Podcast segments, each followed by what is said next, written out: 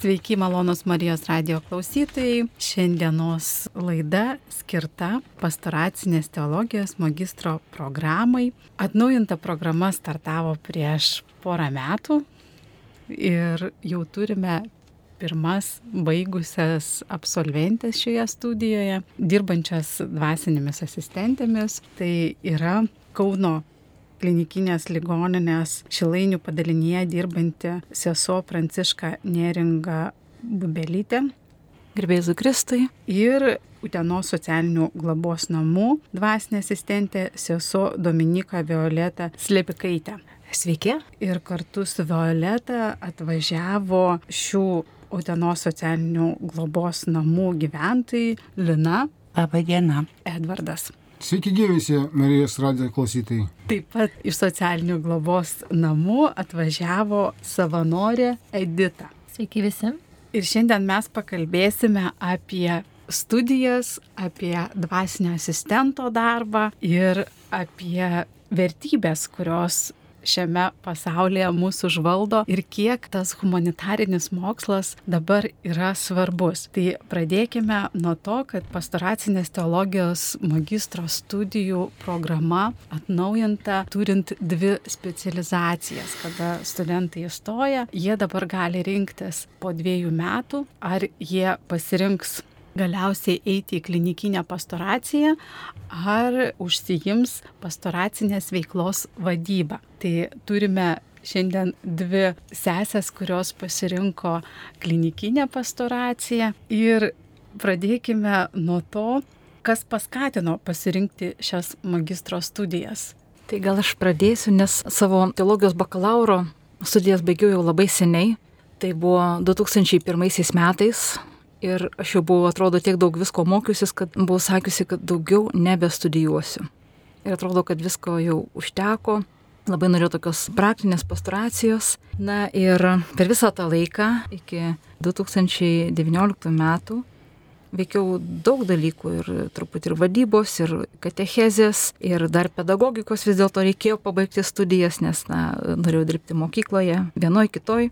Ir galiausiai vis tiek man buvo labai svarbus vienas klausimas, tai kad e, pagal savo pirmąjį pašaukimą aš esu medikė, nuo pat vaikystės norėjau būti medikė, norėjau būti e, felčerė ir žinojau, pažinojau šitą darbą. Taigi 1995 metais Šiauliuose baigiau aukštesnę medicinos mokyklą.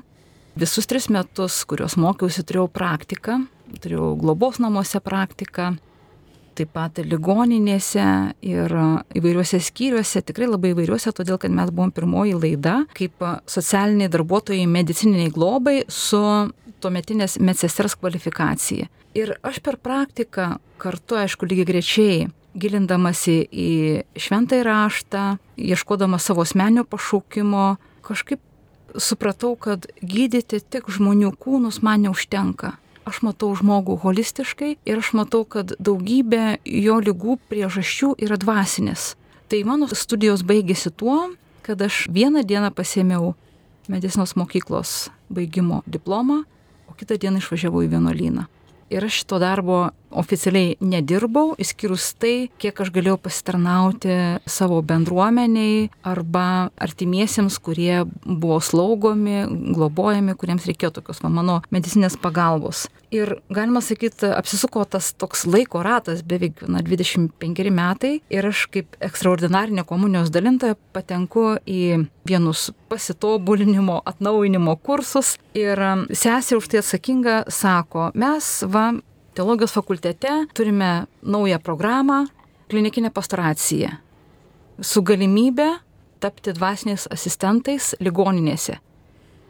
Nu ir žinot, aš po to vakaro jau neužmigau, neturėjau ramybės, neturėjau ramybės ir neturėjau tos ramybės. Ir supratau, tai yra mano pašaukimas. Tai yra tai, ko man visą laiką reikėjo iš tikrųjų. Ir per tuos 25 metus, atrodo, dariau daugybę kitų dalykų, kitų darbų, Ir tiesiog man tai nukrito kaip dovana, to, ko aš turbūt seniai laukiau ir aš net nesirinkau kažkokios vienos ar kitos programos, aš aiškiai žinojau, kad aš noriu tik klinikinės pastoracijos ir aš noriu eiti į ligoninę ir dirbti tą darbą, kurį jaučiu, kad na, savo širdį nešioju ir turiu tam pašaukimą. Ačiū sesiai Pranciškai, o koksgi buvo sesės Dominikos kelias į klinikinę pastoraciją? Tai šiandien dienai, žiūrint iš paukščio skrydžio, galiu pasakyti, kad tai susijęs su mano atsivertimu. Tai kai man buvo 17 metų, tuomet aš Jokūbo bažnyčiai buvau sėkminių vakarų mišiuose pakrikštyta ir, ir šventą komuniją priimta ir sutvirtinimas, išgyventas atsivertimas, pašaukimas ir tikrai per parą viskas apsivertė aukštinkojom ir tada nu, kažkaip gimė širdį begalinis troškimas, ne tik, kad būti, adoruoti viešpati, bet ir begalinis troškimas daryti gerą. Ir aš atsimenu su tėvo Vitoldu, jisai pakvietė būti netgi liudininkė prie vienų senelių ir didukas buvo prieš mirtį ir kuris būtent tuomet vedė savo žmoną. Tai va, tai buvo toks pirmas mano susidūrimas su ligoniu, po to jau draugavau su seserimis ir jos pakvietė būdėti naktį prie vienos močiutės. Nu, žodžiu, toks pirmas susidūrimas su gailestingumo darbais kaip krikščioniai, o vėliau, kai atėjau vienuolyną,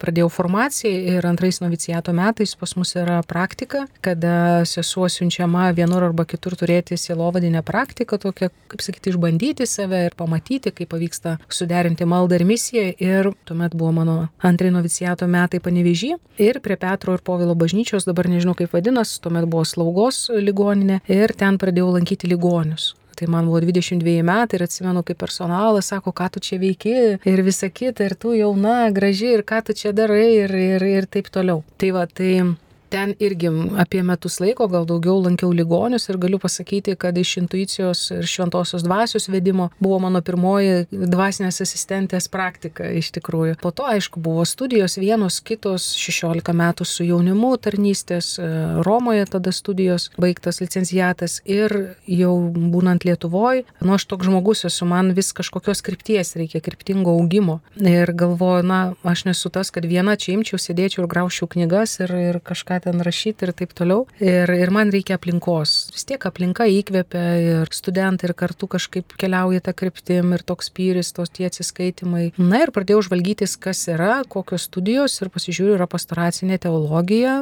ir aš silovado žmogus, viską ir taip pat klinikinė specializacija. Ir kažkaip tikrai apie tai galvojau ir tuolap tai yra susijęs su mūsų įkūrėja Dievo tarnaitė Marija Rusteikaitė, kuri būtent globojo ligonius, vargstančius ir teikė jiem įvairiopą pagalbą ir medicininę taip pat, ir dvasinę žinoma. Tai ir tokiu būdu tam, kad nesustoti ir kryptingai judėti ir tobulėti, atsidūriau ir jau žinojau, kad rinksiuos klinikinę specializaciją šitose studijose.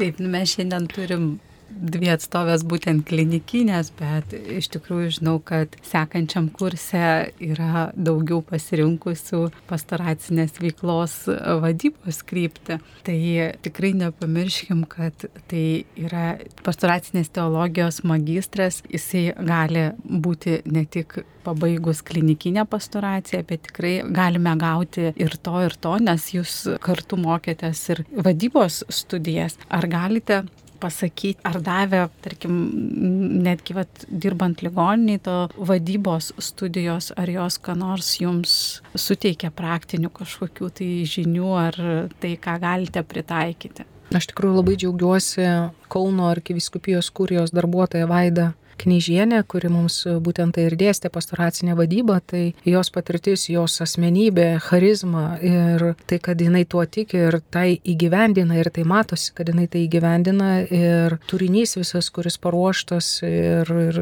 nu, tikrai labai džiaugiuosi ir kartu tai negaliu sakyti, kad man jau būnant kaip 22 metai kaip seseriai, kad buvo labai nauja, mes kaip vienuolės labai daug silovadinės patirties turim, bet kai kurie dalykai pasitikrinti, atnaujinti ir galbūt ir šiek tiek nauji. Tai tikrai galiu pasakyti, kad e, šios studijos ir dėstytojai, netgi didžioji dauguma, aš asmeniškai jaučiausi kaip nu, kolegė. Ne tai, kad kažkur kažkas dėstytojas aukštai, ar tu čia žemai, bet gal ir ta mūsų patirtis, mano ir pranciškos leido taip jaustis, kad esam bendradarbiai ir einam tą pačią kryptim ir tiesiog atsinaujinam, pasipildom, kad galėtume labiau tarnauti. Ir visi esame toje pačioje valtyje. Aš galiu pasidžiaugti, kad man asmeniškai labai daug davė ir Justės Milšauskinės paskaitos mm. komunikacijos bažnyčioje, nes iš tikrųjų mokė net ir kaip, pavyzdžiui, parengti laidą Marijos radijui. Ir aš galvoju, va tikrai tokie įgūdžiai labai konkretus, kur aišku, dar man neteko renkti, bet aš jau nebijau. Aš jau jeigu būtų kažkokia ekstra situacija, tikrai nepasimešiu. Kita vertus, pavyzdžiui, kadangi esu naujokė savo ligoninėje, tai irgi jau mes turėjome vieną, pavyzdžiui, tokią akciją, kur reikėjo pristatyti taip labai irgi iš tokios komunikacinės pusės konkrečiai, aiškiai, su tam tikra žinute, kuri nekvepėtų naftalinu, bet jinai būtų tokia paveiki šiandieniniam žmogui. Kaip tai daryti, kokius užduoti klausimus, į ką taikyti. Nu, čia tokia yra šiuolaikinė komunikacija ir labai ačiū šitai dėstytojai. Tikrai labai labai šios irgi daug gavom.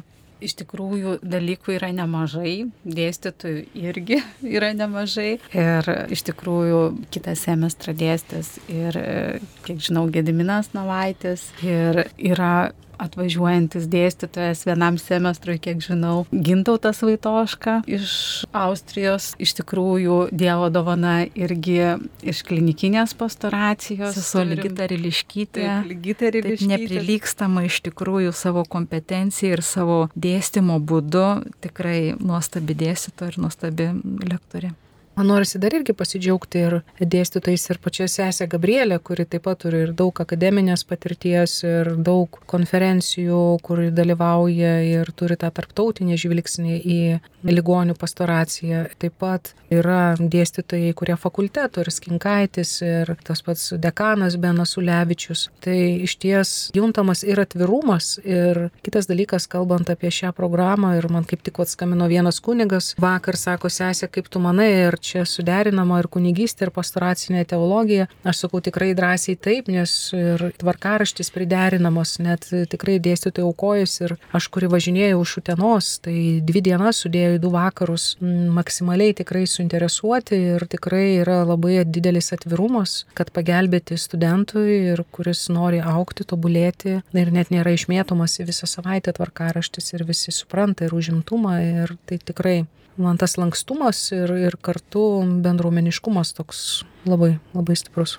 Dabar aišku, iššūkį nežinom, koks bus ruduo, tačiau dabar jau paskaitos irgi vyksta ir mišriuoju būdu. Privalumas buvo praėjusiu metu, kad daug buvo nuotolinių studijų, bet aišku, tas, vat, ką jūs paminėjot, nuotolinių turbūt sunkiau būtų išgyventi bendromeniškumą, irgi tikrai buvau sužavėta ir pati išklausiau klinikinės pastoracijos kursą ir pasirodo su nuotoliniam programom galima ir diskusijas padaryti ir, ir egzaminus ir, nu, žodžiu, labai kūrybingai galima ir nuotolį pritaikyti. Ir aišku, jeigu tik tai leidžia galimybės, tai vėl grįžtama prie tiesioginio kontaktinio mokymuose. Ir turim jūs dvi pašvestojo gyvenimo atstovės. Ar jūsų kurse buvo pasauliečių, ar tai vis dėlto daugiau yra vienuolių ir kunigų dalykas?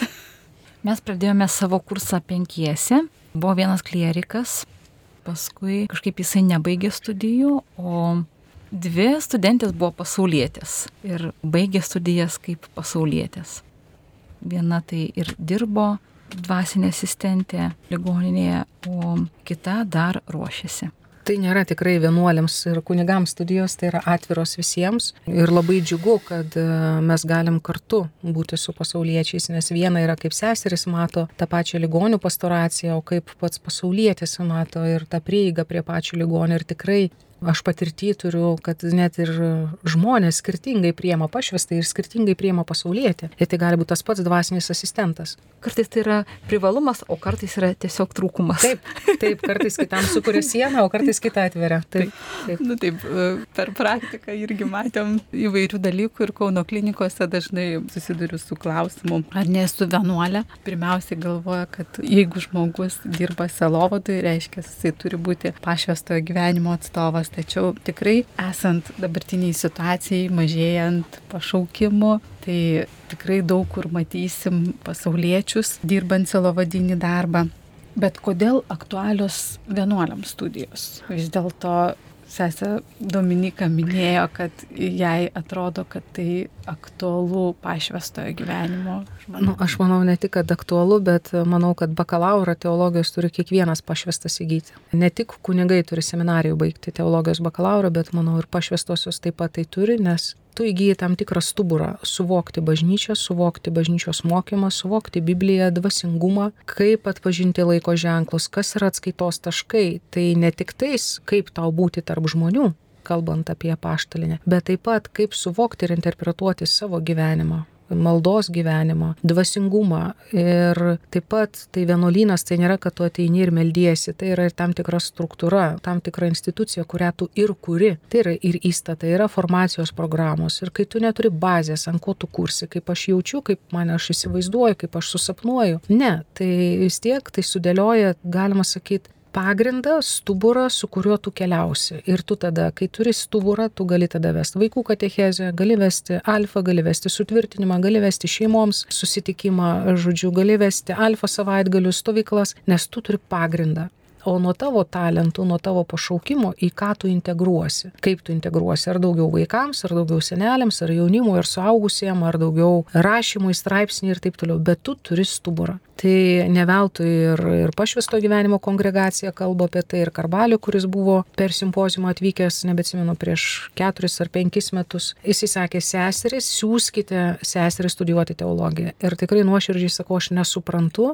kodėl juniorate nesiunčiama studijuoti teologijos kada yra laikinų įžadų sesuo. Tai yra penki metai, ar nuo trijų iki penkių metų laikinieji žadai ir kodėl to nedaroma. Tai taip, aš suprantu, kad reikia sielovados, reikia kas uždirbtų pinigus, reikia kas dirbtų, reikia kas apaštalautų, o koks turinys viso to kokią bazę tu esi. Tai tu nesi mokytojas, tu nesi gydytojas, tu nesi siuvėja, bet tu esi sesuo pašvestoji. Tai tu turi tuo kvėpuoti savo pasišventimu ir tu pirmiausia turi išmanyti pašvestą gyvenimą, bet taip pat ir bažnyčios teologiją. Tai pagrindinis dalykas, o po to tada eina visi kiti. Tai aš manau, Lietuvoje šitoj srityje, nu atsiprašau, bet šiek tiek atsiliekama. Aš suprantu, kokybė, kai nori kritikuoti, visada atrasi dėl ko kritikuoti. Bet jeigu nori mokytis, jeigu nori iš kiekvienos situacijos pasimokyti, tai ir manau reikia keisti požiūrį.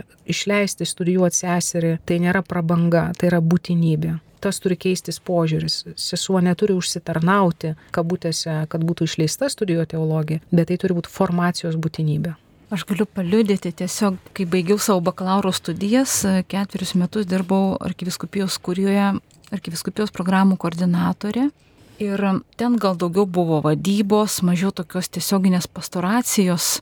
Aišku, reikėjo labai gerai išmanyti liturgiją, sakramentus, bet kažkaip atrodo, kad tos mano studijos šiek tiek su, susiaurėjo tą, ką aš gavau. Ir paskui, kai gavau pakvietimą tiesiog išvykti misionieriauti į Ameriką, tarp Amerikos lietuvių, oi, ten man buvo iš naujo kaip ekstotos egzaminas. Viską patikrino, va šitos misijos man viską patikrino, todėl kad ten reikėjo, tiesiog atsirado na, toks didžiulis poreikis, pavyzdžiui, rašyti liturginės katechezės į vietinį biuletenį. Tai aš galvoju, gerai, kad aš žinojau liturgiją ir tuos sakinius tokius teologiškus ir, aišku, pastarasiškai pritaikyti. Paskui, pavyzdžiui, tokių darbų buvo, kur ir mergaitėms, ir berniukams pritaikėme galimybę tapti jiems liturgijos asistą.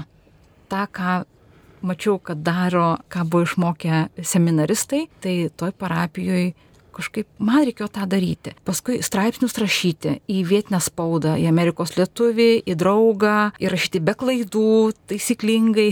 Tai ir kad na, būtų suprantama ir užduodavo labai keistus klausimus, kartais tokius tikrai teologinius, kur reikėdavo gerai pagalvoti. Ir aš galvoju, ačiū Dievui, ačiū Dievui, ačiū Dievui, kad aš baigiau teologiją ir neapsiriboju tik tais tuo, kas buvo mokoma vienuolinė novicijatė, niuratė ir tais tokiais kursais ūkdymo, kurie yra tiesiogiai susiję susijęs su pašvestų gyvenimu.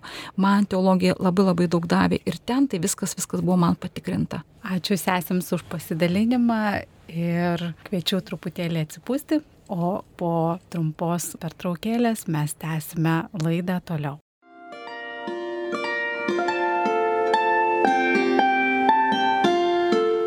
Jūs girdite Marijos radiją.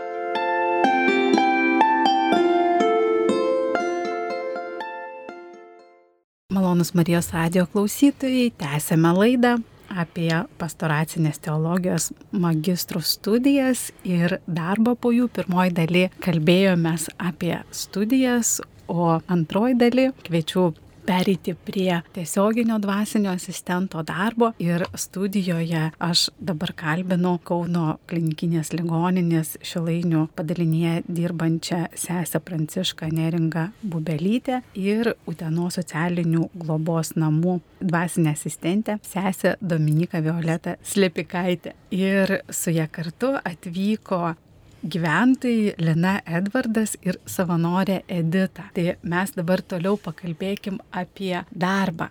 Tai pirmiausiai paklausiu gyventojų socialinių globos namų. Lina, kodėl jums svarbu, kad dvasinis asistentas dirbtų? Labadiena, mano nuomonė tai tiesiog labai padedantis žmogus, nes, kaip žinom, socialinius globos namus gyvena įvairių, su įvairiom negaliam, su įvairiais nepasisekimais žmonių, nusivylusių. O toks žmogus kaip dvasinė asistentė yra, jinai yra kaip psichologija, jinai yra kaip mokytoja, kaip kokia mama, jinai visus išklauso, patarė, užjaučia, ji, neskirsto, kad tu žmogus esi kažkuo kitoks, kad tu nesi toks kaip visi. Jis visada visiems patars, užjaus, pamokys. Ačiū, Linai. O Edvardai, kuo jums svarbi dvasinė asistentė? Nu, dvasinė asistentė gerai tuo, kad galima visą laiką ateiti pasipasakot, ne visą laiką išklausys, patars kažko tai, ko reikia. Nu, šiaip dvasiškai gerai patobulėti.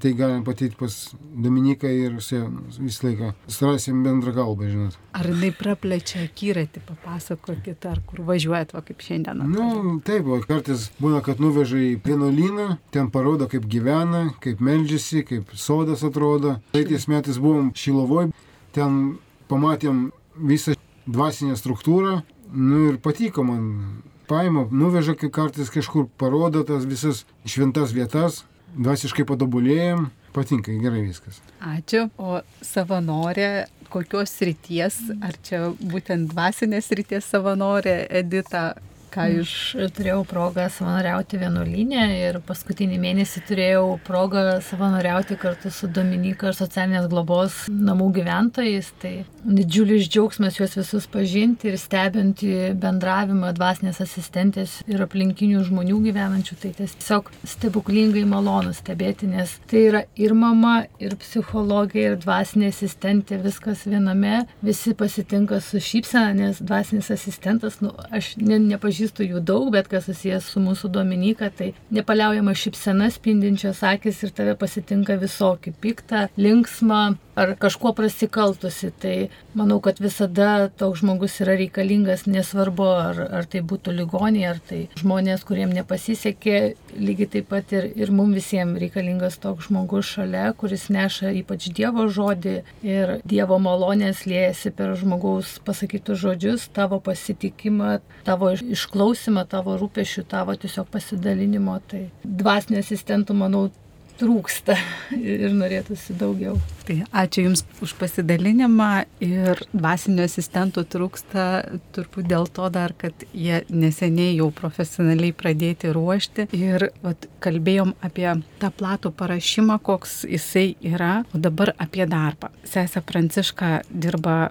kelis mėnesius ir kaip studijos parengia ir su kokiais iššūkiais dabar susiduri dirbdama. Iš tikrųjų, man labai padėjo klinikinės pastracijos teorija ir praktika, ta tokia disciplina, kurią mums dėstė sesuo daktarė Ligita Riliškytė, nes jinai mus parengė tokiam galima sakyti, variantui susitikimo su žmogumi, kai tu susitinki galbūt tik vieną ir pirmą ir paskutinį kartą. Aš asmeniškai labai norėjau dirbti ligoninėje, kadangi aš gyvenu bendruomenėje, vyresnių žmonių bendruomenėje ir ta bendruomenė mano yra didelė, keliolika žmonių, bet vasarą tai čia mūsų net 20 buvo. Ir žinot, atrodo, tas gyvenimas toks teka, toks, nu, tokia lėta upė, niekas nesikeičia. Ir toks, va, truputį užsiliuliuoji, tarsi nebejauti to tokio gyvenimo ritmo, viskas, va, taip tarsi sustiguota. Man truputį gal mano asmenybei norėjosi tokios dinamikos ir supratau, kad ligoninė ir yra ta dinamika. Tačiau man reikėjo būti pasiruošusiai tam, jog žmogų pamatysiu tik vieną vienintelį kartą. Nes jau kitą kartą, kitą dieną galbūt aš tikrai neturėsiu kada ateiti pas jį, arba jau jisai bus išrašytas, arba kažkur perkeltas į kitą skyrių. Ir galiu pasakyti, kad kadangi ta specialybė yra tokia nauja, jog labai nauja ir medikams, personalui, dar jie nedrįsta kviesti, prašyti, paskambinti, praktiškai aš neturėjau nei vieno skambučio. Išskyrus vieną atvejį, kada skyriuje buvau, tiesiog lankiau ligonius, kalbėjausi su viena moterim ir ateina slaugytoja ir išprašo mane, sako, ateikit, mes ką tik šalia turime va, mirusi žmogų ir matau, kaip visa eilė įsirikiausių medikų laukia manęs, kad aš kažką pasakyčiau. O aš galvoju, o aš tokios praktikos net ir neturėjau, bet aš pakviečiau maldai, pasimeldėm ir tada jau vyko kiti ten dalykai. Tai, žodžiu, niekas nekviečia.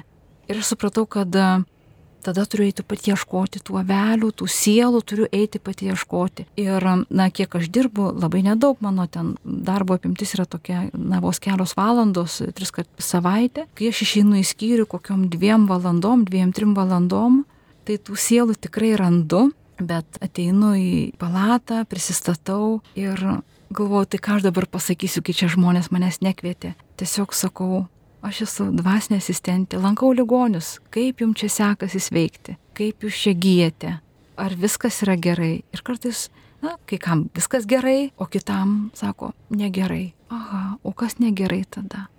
Nu ir prasideda nuo to pokalbis. Tai tas, tai anas ir, ir kažkaip tos neramybės daug. Ir tada, žinot, na, to ligonių sielovadininko darbas toks yra specifinis palyginus su psichologo pavyzdžiui arba socialinio darbuotojo, nes pirminis dėmesys turėtų būti dvasiniams poreikiams ir ištekliams. Jeigu žmogaus sieloje yra ramu, jeigu žmogaus dvasinis pasaulis yra tvarkoj, jis kitaip gyja, jis kitaip sveiksta.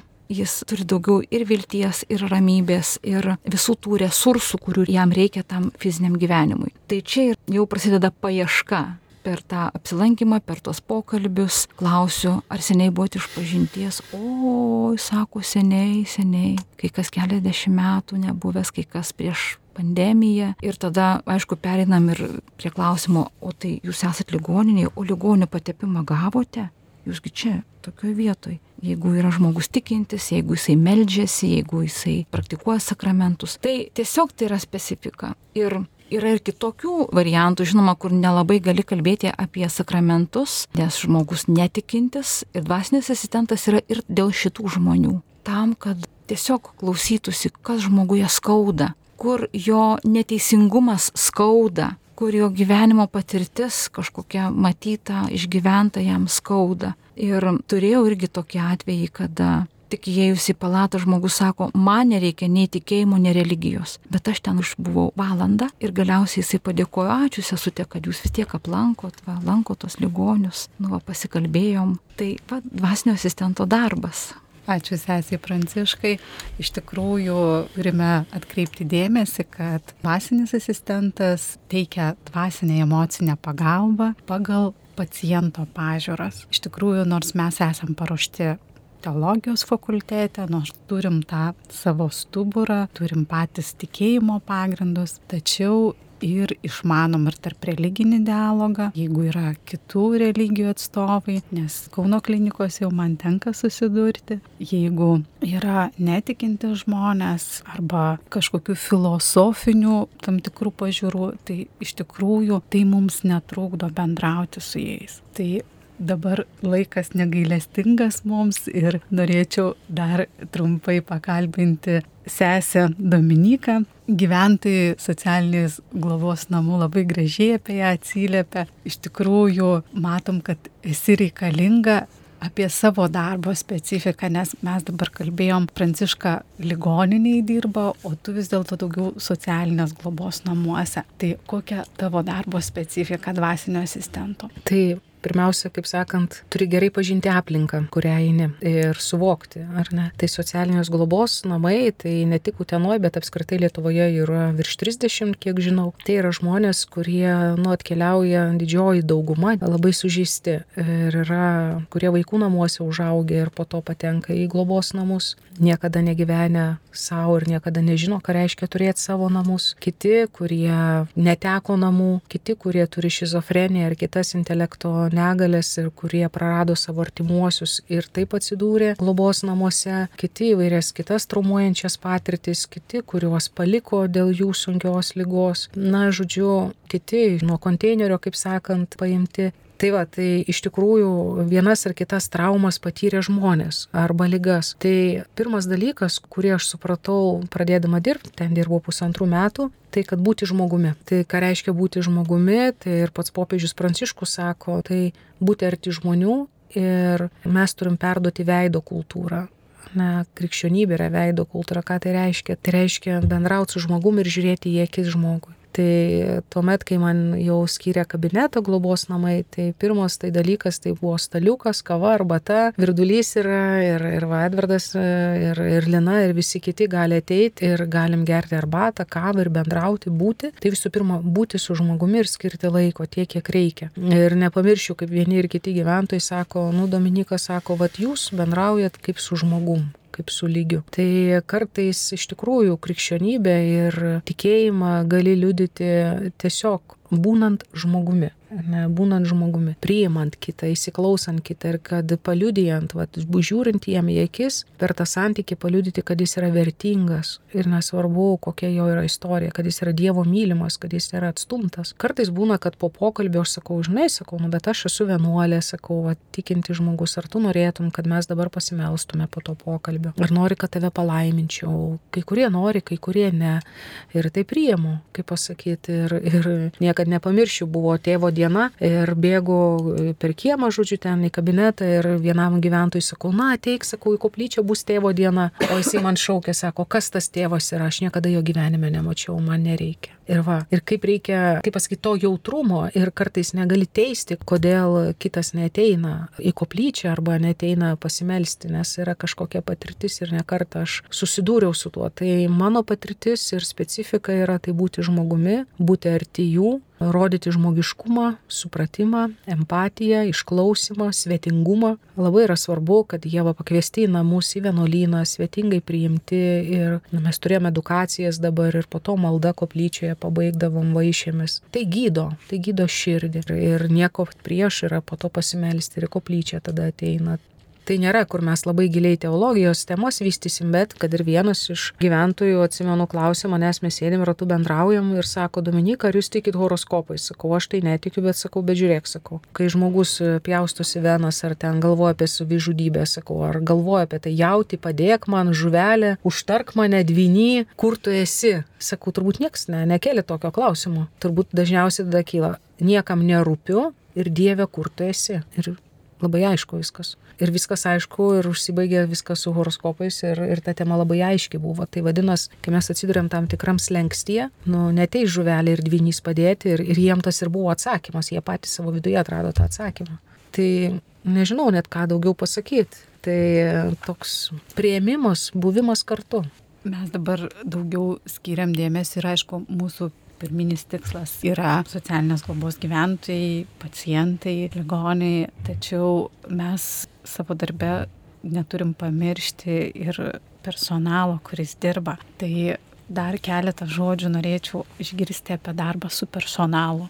Iš tikrųjų, personalas tai yra tiesiog tie žmonės, kurie eina prie ligonių vat, ir kaip ir mes koja kojon tas santykis su personalu turi būti labai labai glaudus. Jeigu nori pasiekti ligonį, jeigu nori kažkaip rasti kelią net ir jo širdį, nes ligonis labai pasitikė mediku, jį gydančių gydytojų ir jeigu gydytojas nukreipia, pavyzdžiui, ligonį į, ar į koplytėlę, ar nueiti, arba pakalba, kad gal reikėtų, kad kunigas ateitų aplankytų, tai žinoma, kad dažniausiai tiki tuo. Ir galiu pasidžiaugti, kad toje ligoninėje, kurioje aš dabar dirbu, tikrai yra labai daug tikinčio personalo, labai daug. Man, pavyzdžiui, talkina viena gydytoja, kurie perina per skyrių, savo skyrių ir surašo visus ligonius kurie, na, yra reikalingi sakramentų aš nespėju nueiti tą skyrių dėl to, kad einu į kitus, o jinai va surašo, ateina su sąrašu, kaip aš vieną sąrašą palieku savo kapelionui, jinai palieka kitą sąrašą kapelionui ir vyksta toks bendradarbiavimas. Kartais tenka pasimelsti už vieną kitą mediką, kuris ateina į koplytėlę, paprašo maldos arba pokalbio. Na ir tiesiog yra ir pagalba tam tikra tam tikrą pagalbą, kada yra sunkus ligonis ir sako, va, reikėtų, kad jūs čia ateitumėt. Šiaip aš galvoju, kad jeigu ta tarnystė išsivystys ir kuo toliau, tuo plačiau, tai turėtų būti atskira sielovada ir medicinos personalui, nes jie labai laukia. Aš atsimenu netgi, kai nuėjau į vieną skyrių, sakau, na va, aš noriu aplankyti ligonius kaip dvasinė asistentė. Tai viena slaugytoja sako, o mus mes irgi norim. Ir supratau, kad yra tas poreikis, bet nėra dar to įdirbio tik tais Kaip tai padaryti? Aišku, aš svajoju, kad kada nors bus galima pakviesti juos į rekolekcijas, į piligrimystę, į kažkokius, na, maldos, nežinau, pusryčius ar priešpiečius, ar kas tai būtų. Tai aš kartais esu truputį ir pasakius, sakau, pasikvieskit mane kavos. Pasikvieskit, tai mes turėsim progą tada pasikalbėti apie ką nors. Va, galiu irgi dar paliudyti, pavyzdžiui, vienas skyrius pakvietė mane ir kapelioną dalyvauti skyriaus atšventinime, nes per COVID ten mirė daug žmonių ir žinoma, kad jie išėjo su įvairiais jausmais ir visokiom emocijom ir, na, pasakė daug ir piktų žodžių ir daug tokios priešiškumo ir nemailės išreiškė. Tai kai kas iš medikų pradėjo sakyti, žinot ką, pas mus vaidenasi, vaidenasi ir kviečia kapelioną maldai teko dalyvauti tose peigose ir galvoju, o kaip gerai, kaip gerai, kad ne kažkokius burtus sugalvojo patys, bet žino, kur kreiptis. Tai tas bendradarbiavimas vyksta mažais žingsneliais, bet čia jis yra labai labai būtinas. Netgi pasaulinėje praktikoje yra tai, kad ne tik tais emocinis klimatas personalo yra geresnis, kai dirba dvasinis asistentas, bet net ir ekonomiškai ligoniniai apsimoka, nes tada trumpėja lovadieniai. Ačiū sesiai Pranciškai ir esate Dominika. Dominika. Dar.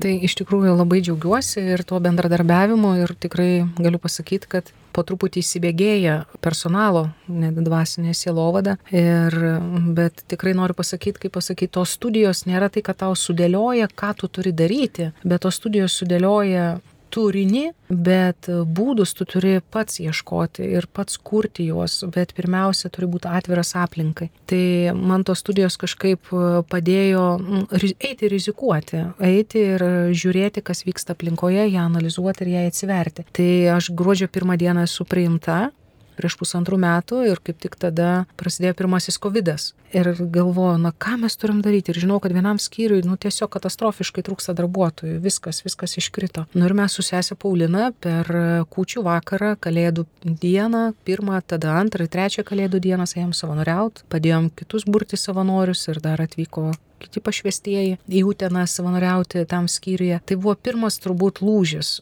nes, nu, kas čia ateina, naujas darbuotojas, dvasinė asistentė, kas čia yra, o staiga čia ateini, keisti pampersų, plauti grindų, šveisti toletus ir, ir dvi vienuolės ir, ir tik viena darbuotoja 30 ligonių, kurie beveik visi ant patalo. Tai manau, tas buvo didysis lūžis, kad mes nesam toli, bet esam labai arti ir esam koja į koją. Tai šitas. Po to praeitais metais e, darėm skyriams viešnagę vienuolynę, grupėmis organizavom ir personalas buvo paskutinis, kuris buvo pakviestas. Tai tiem gyventojim irgi buvo, kad jie pirmi, o personalas po to tik atvyksta, tai turėjom pietus, bendravom, kartu maldą turėjom. Taip pat jau tokia galbūt nauja tradicija bus, advento pusryčius turėjom kartu ir kapelionas kartu dalyvavo, tarė žodį, buvo malda, pamastymas buvo ir, ir toks pasiaukojimas Dievui ir tada kava, lengvi užkandžiai tokie, tiesiog toks 40 minučių sustikimas savaitę iki kalėdų. Tai yra mažos tradicijos, bet kaip aš sakau, nu, tas sielovada prasideda nuo kontakto, nuo žvilgsnio, nuo pagirimo, nuo pasidžiaugimo ir kartu ir tiegi darbuotojai, pas mus slaugytojai mato, kaip žmogus pats po bendravimo, po koplyčios, po apsilankimo, kaip jisai jaučiasi, kad kantresnis, skaidresnis, pozityvesnis, tai vyksta toks bendradarbiavimas, bet kaip aš sakau, visų pirma žmogiškumas. Tai ačiū visiems čia esantiems studijoje. Baigiam šią laidą, o joje kalbėjome apie pastoracinės teologijos magistro studijas ir darbą po jų. Ir studijoje buvo Kauno klinikinės ligoninės šilainių padalinėje dirbanti dvasinė asistentė sesuo Pranciška Neringa Bubelytė. Utenos socialinės globos namų dvasinė asistentė sesuo Dominika Violeta Slepikaitė ir šių namų gyventojai Lina, Edvardas ir savanorė Edita. O visus juos kalbinau aš, Kauno klinikų dvasinė asistentė Svetlana Adler Mikulieninė. Dėkoju visiems klausiusiems ir nepamirškime antrojo Vatikano susirinkimo dokumentų atgentės modelis, selovados pirmas žingsnis, draugystė, buvimas kartu, o po to visi kiti dalykai ir kerigma, ir skelbimas, ir sakramentai. Tai kol mes nesusidraugausim, tai iš tikrųjų bus sunku skelbti, sunku kviesti į sakramentus. Tad visiems linkiu betarpiško bendravimo, nebijokite pakviesti dvasinio asistentų kavos ir šiandien tarėme sudė, susitiksime, tikiuosi gyvai kitose aplinkose. Sudė. Viso gero. Sudie, būkite palaiminti.